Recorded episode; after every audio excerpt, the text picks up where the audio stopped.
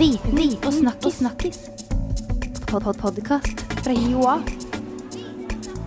Viten og snakkis. Hei og velkommen til en ny episode av podkasten Viten pluss snakkis. Jeg heter Halvard Lavoll, og du er nå kommet til episode 152. Og vi skal snakke om strikking, men før det så må vi gjøre bare en liten sånn ny introduksjon. Velkommen, Heidi Ertseid. Ny programleder. Tusen takk, det er veldig gøy. Ja. Jeg gleder meg veldig. Du, hvem er du? Jeg eh, jobber med forskningsformidling her på Oslo OsloMet. Jeg jobber med å få forskningen vår ut i det ganske land. Veldig bra, og veldig fint å få enda en programleder med i podkast-teamet. Eh, og vi er så heldige å ha Ingunn Grimstad Klepp her hos oss, som er eh, forsker på Forbruksforskningsinstituttet, eh, SIFO, ved Oslo OsloMet. Og du har skrevet en, helt ny bok eh, som heter 'Norsk strikkehistorie'. Eh, og da lurer jeg på eh, Jeg som ikke strikker selv, jeg har jo sett at eh, det er flere og flere Det virker som det er flere og flere som har begynt å strikke eh, de siste årene. En skikkelig strikkeboom har inntatt landet. Og da lurer jeg på hvor mange er det egentlig som strikker i Norge? Ja, eh, det er ca. halvparten av kvinner. Eh, Og dermed ca. halvparten av en fjerdedel eh, av befolkningen. Eh, Og da regner vi med har du strikket sist året, er da spørsmålet. Så vi kan jo ha strikkere som ikke har strikket sist året. Men de som har strikket det siste året, det er altså da halvparten av kvinner og eh, 4 av menn. Ja. Men jeg vil også legge til at å strikke er noe da mange kvinner gjør, og noen menn. Men å bruke strikkede klær, derimot, er noe alle gjør. Og jeg er helt sikker på, hvis jeg hadde blitt med deg hjem, så hadde jeg funnet T-skjorter og collegegensere og treningstøy og ullgenser og strømpebukser og litt av hvert. Eh, Sånn at eh, strikking er ikke noe som bare angår eh, vi som strikker, men det angår alle. Eh, fordi dette her er i dag en av de mest dominerende måtene å lage klær.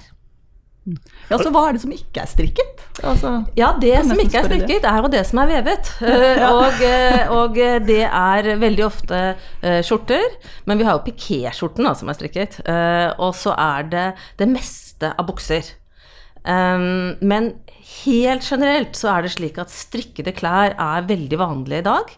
Uh, og særlig til sport og friluftsliv og fritid og barn. uh, og hjemme og natt og så videre. eh, mens vevede klær dominerer garderoben helt fram til ja, i hvert fall inn på 1900-tallet. Og så må vi jo, selv om dette er en podkast og ingen ser noe som helst, så går jo du i dag da i en strikka kjole. Ja. Har du strikka den sjøl? ja. Du har det, ja. Ja. Hvor, hvor lang tid tar det å strikke en, en, en hel kjole? Du vet at tid er veldig mange ting. Eh, For tid er eh, tid man bare gjør absolutt én ting. eh, Eller tid er noe som er innimellom andre oppgaver. Og det spesielle med strikking er jo at de fleste som strikker, de strikker samtidig med andre ting. F.eks. er sammen med vennene sine, eh, snakker med barna sine, ser på TV, hører på podkast osv. Slik at det å regne tid til strikking, eh, og særlig sånn privatstrikking, altså at du strikker til deg selv, eh, det er faktisk ganske vanskelig. Eh, Fordi at det er ikke et arbeid som regnes på den eh, måten. Men da litt tilbake til boka di. Eh, for jeg må jo si jeg ble veldig interessert i opprinnelsen til strikkingen. Altså hvordan begynte folk å strikke? Mm. Hva vet vi om det? Det vet vi nesten ingenting om. Og det er Det er nesten sånn at det er, litt, det er jo litt flaut, på en måte, at vi har noe som angår så mange mennesker, og som vi vet så lite om. Eh, og da må jeg jo si at eh, tekstilhistorie, eh, kleshistorie og tekstilhistorie har aldri hatt noe spesielt høy prestisje. Men innenfor tekstilhistorien, så er strikking stebarnet. så vi vet lite. Um, men det du kan si, er at eh, før strikkingen så drev vi også med teknikker for å lage klær som ikke var vevet, altså litt mykere, mindre plagg, og da var det nålebinding som gjaldt. Så hvis vi tenker på, på vikinger og middelalderen i Norge, så, så, en, en, så fantes det klær som ikke var vevet, men de var ikke strikket, de var laget i denne nålbindingsteknikken. Men nålbinding er Da syr man små løkker med nål. Og man har en tråd som er sant, en meter lang, eller noe sånt, og så syr man mm, løkker i hverandre. Det er ikke strikking. Men eh, det kan av og til ses ut som strikking. Eh, så av og til når man finner et veldig gammelt lite fragment, så vet man ikke om det er strikket eller om det er nålbundet. Ehm, og hvis man finner et gammelt fragment av strikking, så vet man jo heller ikke om det er strikket der, eller om det er strikket et helt annet sted. Og handel med tekstiler er veldig gammelt. Det var noe våre kjære vikinger drev med. De kjøpte silke, de kjøpte kostbarheter, de stjal litt også, men altså, handel var viktig. Vi har Silkeveien, ikke sant, vi har handel, global handel med tekstiler, eh, så lenge vi, vi, vet. Så, mm, så den eldre strikkehistorien, den er veldig dårlig dokumentert. Den er grøtet sammen, fordi noe er nålbundet, og noe er eh, importert, slik at vi ikke vet hvor det er laget, og egentlig også når det er laget. Men vi håper at den eldre strikkehistorien kommer til å bli skal vi si, bedre dokumentert fremover. Det er jo et virkelig et stort ønske. Um, når det gjelder den eldre strikkehistorien i Norge, eh, så kan vi jo si at det begynner egentlig ganske langsomt. Altså det er veldig lite egentlig fra eh, 1500-1600-1700-tallet. Men så eh, skjer det noe på slutten av 1800-tallet, og ikke minst begynnelsen av 1900-tallet. Sånn at vi har en, en ganske lang eh, fase hvor, hvor strikkingen overtar, særlig på de plaggene som tidligere var nålebundet, sånn som sokker, luer og votter. Men klærne fra, for overkroppen, de kommer inn på 1600-tallet, og så virkelig slår de til da på, på ja, midten av 1800-tallet utover. Ja. Men hva vet vi om hvem var det som strikket i starten? Ja, eh, der er det eh, Altså, starten er jo veldig lang, på en måte. Um, eh, hvis vi går tilbake til europeisk middelalder, så var strikking et veldig, veldig avansert håndverk. Og det var laushåndverk, og da er det jo menn. Altså, kvinner kunne ikke organiseres i laugene. Laugene var veldig sånn De beskyttet sin egen kunnskap, og det var strenge regler for utdannelse, for opptak, for hvordan man skulle komme inn i laugene. Så det er en av røttene til, eh, til håndverket. Og da er det luksusprodukter.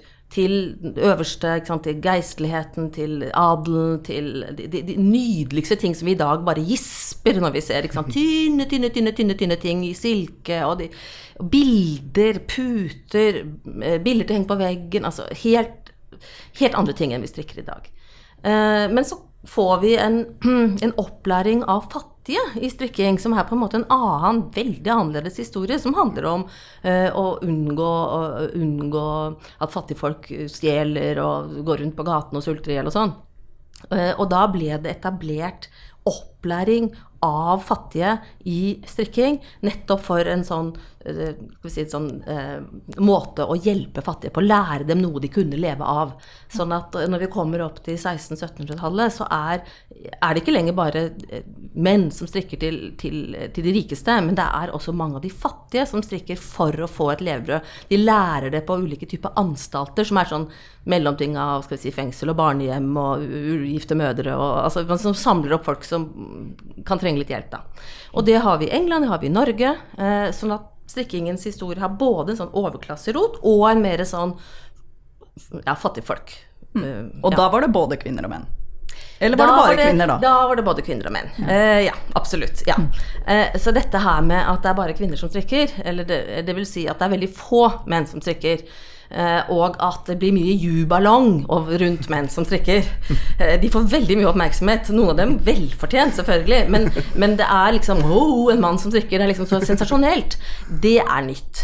Ja. Men hvorfor har det blitt sånn? Altså, hvorfor er det så få menn som strikker i dag, når det faktisk var mennene som startet? Ja, At mennene startet, vil jeg jo ikke si. Men mennene var organisert i laugene. Men alle laugene var jo menn. Ehm, ja, altså slik jeg ser det som jobber mye med klær og tekstiler, så har eh, kjønnsarbeidsdelingen på dette feltet blitt sterkere og sterkere. Eh, men eh, har hatt et nært forhold til tekstiler og tekstilproduksjon i mange yrker. Ikke minst alt som går på, på sjøen, eh, med seil, tau, klær, presenninger. Um, og s- øh, fangst, fiske Altså, ja. Så jeg, slik jeg ser det, så har kjønnsarbeidsdelingen blitt sterkere og sterkere. Og, um, og strikking, uh, særlig etter krigen, har jo også blitt forbundet med en skikkelse i vår historie eh, som er eh, problematisk egentlig både for kvinner og menn i dag, eller har vært i mange år, og det er husmoren. Eh, Strikking ble eh, et, et symbol på en viss type kvinnelighet, en viss type huslighet. En viss type måte å, å være på. Og hun er eh, vært upopulær lenge, og særdeles upopulær for menn, da. Fordi det er, det er på en måte ikke forenlig med å være en mann. Altså ikke en mann med stor M. Eh, Ja. Eh, Men, eh, men denne husmorperioden i historien vår, og denne, denne måten å være kvinne på, det er jo ikke da bare noe som gjør at menn ikke strikker i dag. Det er jo også noe som gjør at kvinner som strikker i dag, strikker seg inn i et fellesskap som er annerledes eh, enn dette. De er, det er mye strikk og drikk, og strikk for din egen skyld, og strikk og ha det gøy, og, og, og være sammen med jevnaldrende, og, og strikke for sant? Vi strikker fordi vi vil det, ikke fordi vi er liksom sånn eh, flittige og nøysomme og snille og veloppdragne og eh, Ja, ikke sant. Så Så, så strikkerne i dag, de holder jo på å forandre på bildet av hva det er å strikke. Og det kan man jo håpe at det kan også dermed forandre eh, hva det vil si å strikke som en mann, da. Men alle gutter og jenter i Norge har jo i flere tiår nå lært det samme på skolen. Så det er jo ikke sånn at bare kvinner kan strikke. Altså, eh, strikking er en relativt enkel teknikk å lære. Den er lett å ta med seg overalt, den er lett å utføre, og gutter lærer den på skolen. Men ser man noen tendenser nå til at flere menn er med? Eh, Eh, statistikk på strikking har vi jo ganske dårlig av, da. Det er jo ikke noe som telles og regnes så mye. Vi har gjort et par eh, undersøkelser, og, eh, og da, da var det 4% og ja, nei. Så, men vi Så vi vet jo egentlig ikke så mye om det. Eh, men eh, eh, ja, nei. eh, Det ser ikke ut som noen stor endring. Men det er jo hyggelig med alle menn som, eh, eh, som tar del. Og det er jo i det, hele tatt hyggelig at menn og, og kvinner finner ut hva de har lyst til å gjøre, og av og til gjør noe som ikke står på listen over det som menn og kvinner bare skal gjøre. Så vi har jo alle godt av å prøve oss eh, litt på tvers av gamle kjønnsroller, da. Det er, skader jo ikke. Men du, vi skal snart uh, svare på noen spørsmål, for lytterne våre har jo sendt inn masse spørsmål om dette. Det er tydeligvis stor interesse for temaet. Men jeg tenkte litt på, du jobber på, på SIFO, og dere er òg veldig opp, opptatt av bærekraft og miljø og sånne ting. Strikking må jo være en veldig sånn klimavennlig greie. Kortreiste klær, du gjør jobben sjøl, lite utslipp. Ja, eh, alt som du sier stemmer, men det som kanskje er aller viktigst, det er at for å få ned miljøbelastningene, så må vi få ned mengde. Vi må ha færre klær. Eh, og hvis vi skal ha færre klær, må vi ha bedre klær. Og for å få til det, så må vi ha mer kunnskap. Og det å produsere noe selv, det å lage noe selv, gjør at du får mer kunnskap. Da blir du også bedre i stand til å vurdere varene i butikken. Eh, Du blir bedre i stand til å reparere klær. Du blir bedre i stand til å vurdere materialenes kvaliteter. Eh, Sånn at eh, det å produsere ting selv, uansett om det er strikking eller vedkubber eller, eller mat, da, for den saks skyld, det bidrar jo til at du får større kunnskap om disse eh, forbruksfeltene, og at du kan ta del i en endring eh, hvor eh, varige produkter eh, står sentralt. Og det er også slik at eh, strikkegenserne våre, altså det som også ofte Altså det som kalles Norwegian sweaters da, på engelsk, og som vi, mange av oss har hjemme i skapet, det er klær som har hatt en, et langt liv. De varer lenge. Eh, og de brukes lenge. Og det er den typen klær vi trenger å ha i fremtiden, og ikke alle det andre. Så bra. Du, skal vi ta noen spørsmål som har kommet inn? Ja, og da er vi jo faktisk rett på Du snakket om de ulike genserne. For her hadde vi et spørsmål, faktisk. Hvem var Marius, og hvor mange varianter av Marius-genseren finnes?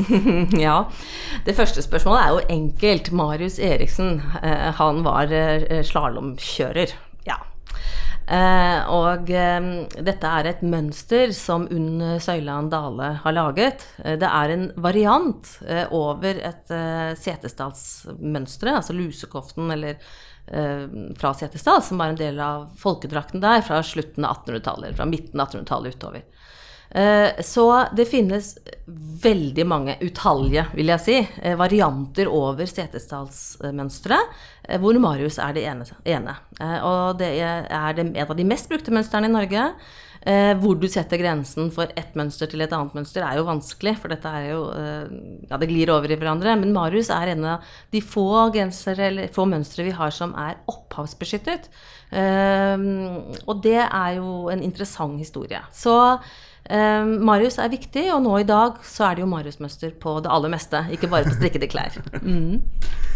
Og så var det veldig mange spørsmål om hvor det er lov å strikke, eh, eventuelt ikke lov å strikke. Ja, ja, det er jo eh, Vi har skrevet litt om det også i boken. Ehm, eh, og det forandrer seg jo. Altså når jeg var barn, var det jo veldig mye at vi ikke fikk lov å strikke timene, uh, f.eks. Og det har vel sikkert ikke vært noe problem nå eh, på en stund. Men ehm, Eh, altså, det, det er jo slik at folk reagerer forskjellig på denne typen aktivitet. For de fleste som strikker, så vil jo si at strikke på forelesning f.eks. For er veldig bra, for da sovner man ikke. Eh, det er jo en, en god ting. Og at det kan bidra til at man holder konsentrasjonen. Men det er jo ikke noe positivt hvis derimot foreleseren eh, blir avsporet. Sånn at som, som så mange ting som handler om hvordan vi mennesker er sammen, så handler, er det jo ikke én regel. Det handler jo om hvordan vi, vi er sammen. Eh, Og mange strikkere har egne strikketøy til å strikke i, i, grupper med andre. Eh, Pinner som ikke klirrer, oppskrifter man ikke bør se ned for å strikke, osv. Så, videre. så det, det, det kommer jo an på både hva man strikker, og hvordan de andre er. Men, og det forandrer seg, eh, dette her. Um, så at det er et konfliktfylt felt, er sikkert. Eh, Og at det ikke er et enkelt svar på det, er like sikkert. Men er det no, et sted du kan si med sikkerhet at ingen strikker? Ja, begravelse. Ja. Ja.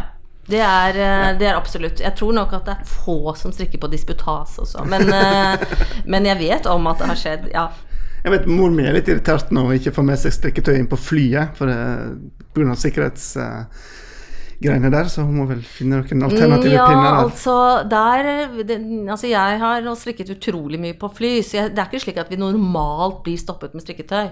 Nei. eh, Det kan nok skje en gang imellom, men det er ikke noen sånn eh, Det er ikke noen fast regel. Nei. Nei. Og egentlig litt pussig, for de er jo ja. ja, nettopp.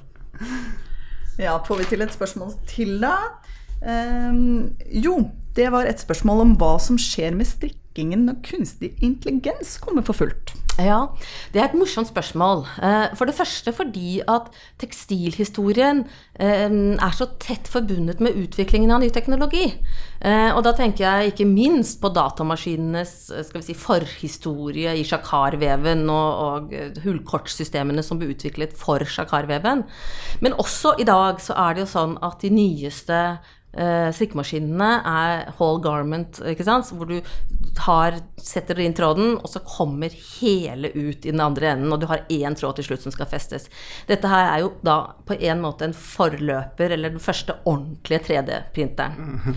Så det med forholdet mellom teknologiutvikling og tekstilhistorie uh, er i seg selv eh, en, en interessant ting, fordi at så få tenker på at veldig mye av liksom, den industrielle utviklingen og teknologiutviklingen kommer fra tekstilproduksjon. Eh, Når det gjelder eh, spørsmålet, altså dette med kunstig intelligens, så tror vel jeg, eh, og ikke bare jeg, men også flere, at det er sånn at jo mer som bare foregår inni hodene på oss, jo mer får vi behov for å faktisk bruke kroppen og hendene og ta tak i ting selv.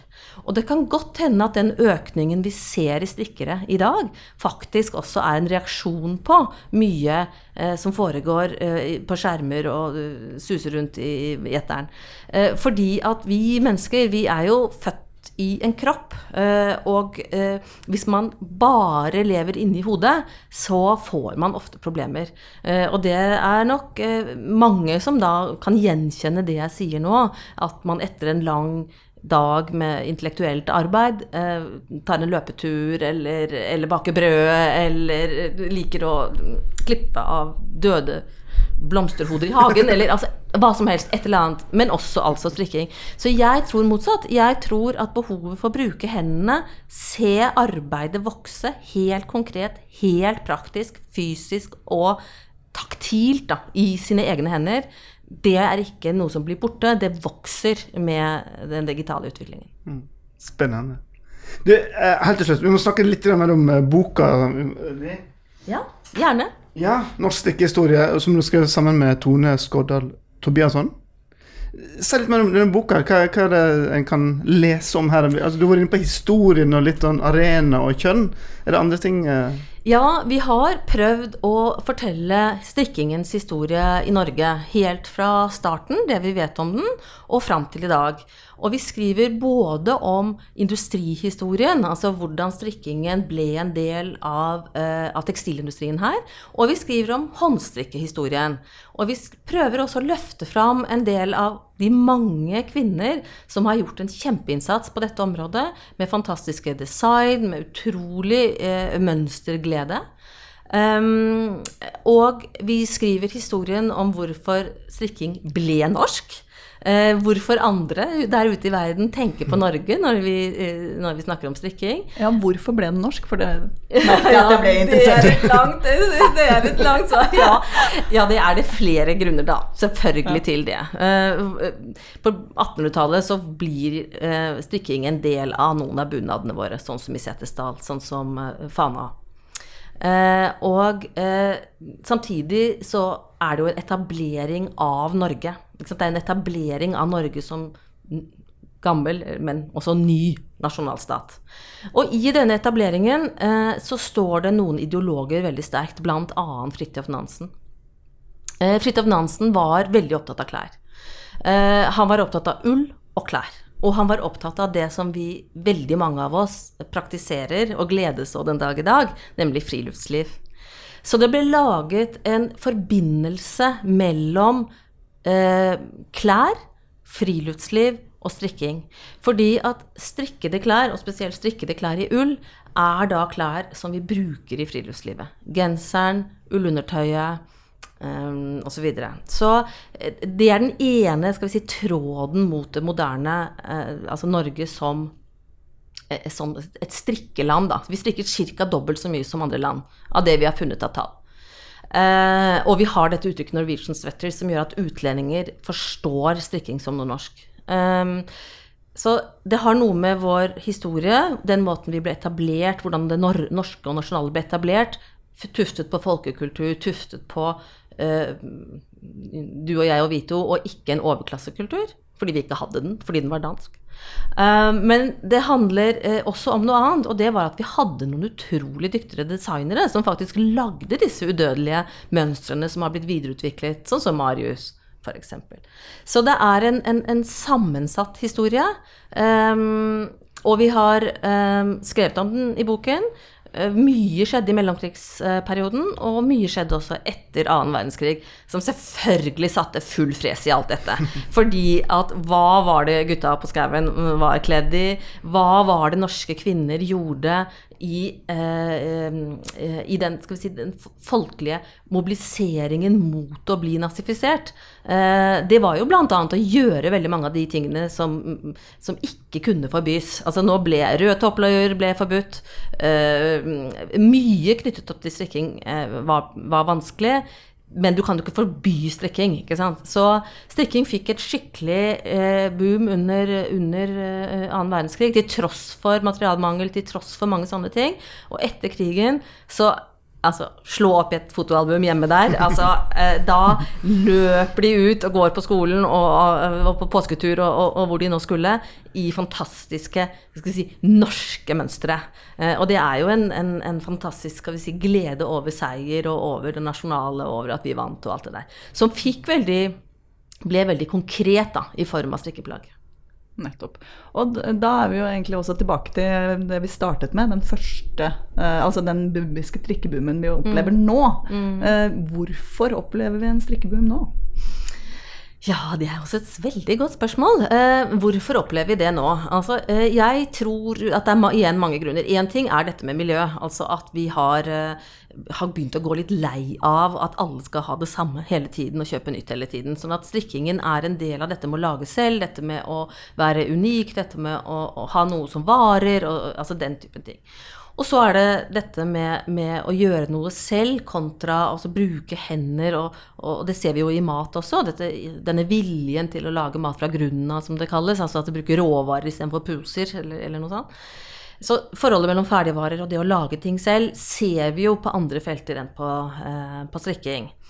Og så, eh, og så tror jeg det også har noe med kvinnefrigjøringen å gjøre. Fordi at, eh, fordi at eh, kvinner i dag vil ikke bare ta et oppgjør mot, mot eh, kvinneundertrykkingen i form av å ta avstand fra den kvinneundertrykkede kvinnen, altså da husmoren veldig ofte. Men de ønsker å gjøre det også gjennom å si at kvinnelige aktiviteter, kvinnelige verdier, kvinnenes historie har verdi. Eh, sånn at istedenfor å tenke at nei, vi strikker ikke for det, ja, vi er ferdig med dette 70-tallet, på en måte, så kan vi si at vi strikker. Vi er stolte, vi, av at vi kvinner kan noe, har noe, har en historie. Og det er sannelig på tide at noen skriver den, f.eks. norsk strikkehistorie. altså, ikke sant? Løfter fram, viser 'dette har vi jobbet med', 'dette har vi kunnet', 'dette har vi bidratt med' i krig og krise og i fest. Ingunn, ja. tusen takk for at du kom og, og lærte oss så mye om strikking og strikkingens historie. Eh, og gratulerer med bok. Den eh, blir nå sendt ut til alle bokhandlene, eller? Ja, jeg håper da inderlig det. Ja. Det er veldig spennende. Mm. Og jeg hører at Dette er ikke bare en bok for den som sitter og er interessert og gjør selve strikkingen. For du, som du har vært inne på her, det er jo masse historie og, og, mye mer enn bare det å sitte og strikke sjøl. Ja, jeg håper jo at det blir noen som ikke strikker, som leser boken også. Fordi strikking angår oss alle. Mm -hmm. Så bra. Takk til Ingunn. Heidi, har du hatt det bra første episode? Veldig gøy. Lært mye. Så bra. Og til deg som hørte på, tusen hjertelig takk. Eh, du kan lese mer eh, om, eh, om strikking og Ingunn og sånne ting på nettsidene våre. Der legger vi ut en liten tekst og lenke til, til boka og andre relevante ting. Så kan du finne ut mer. Og så bare minner jeg om Facebook-gruppa vi har, der det kom inn masse spørsmål. Der kan du òg finne ut mer om hva som kommer av nye episoder. Så da sier vi bare god helg. Viten og snakkis. snakkis. Pod -pod Podkast fra Joa. Viten og snakkis. snakkis.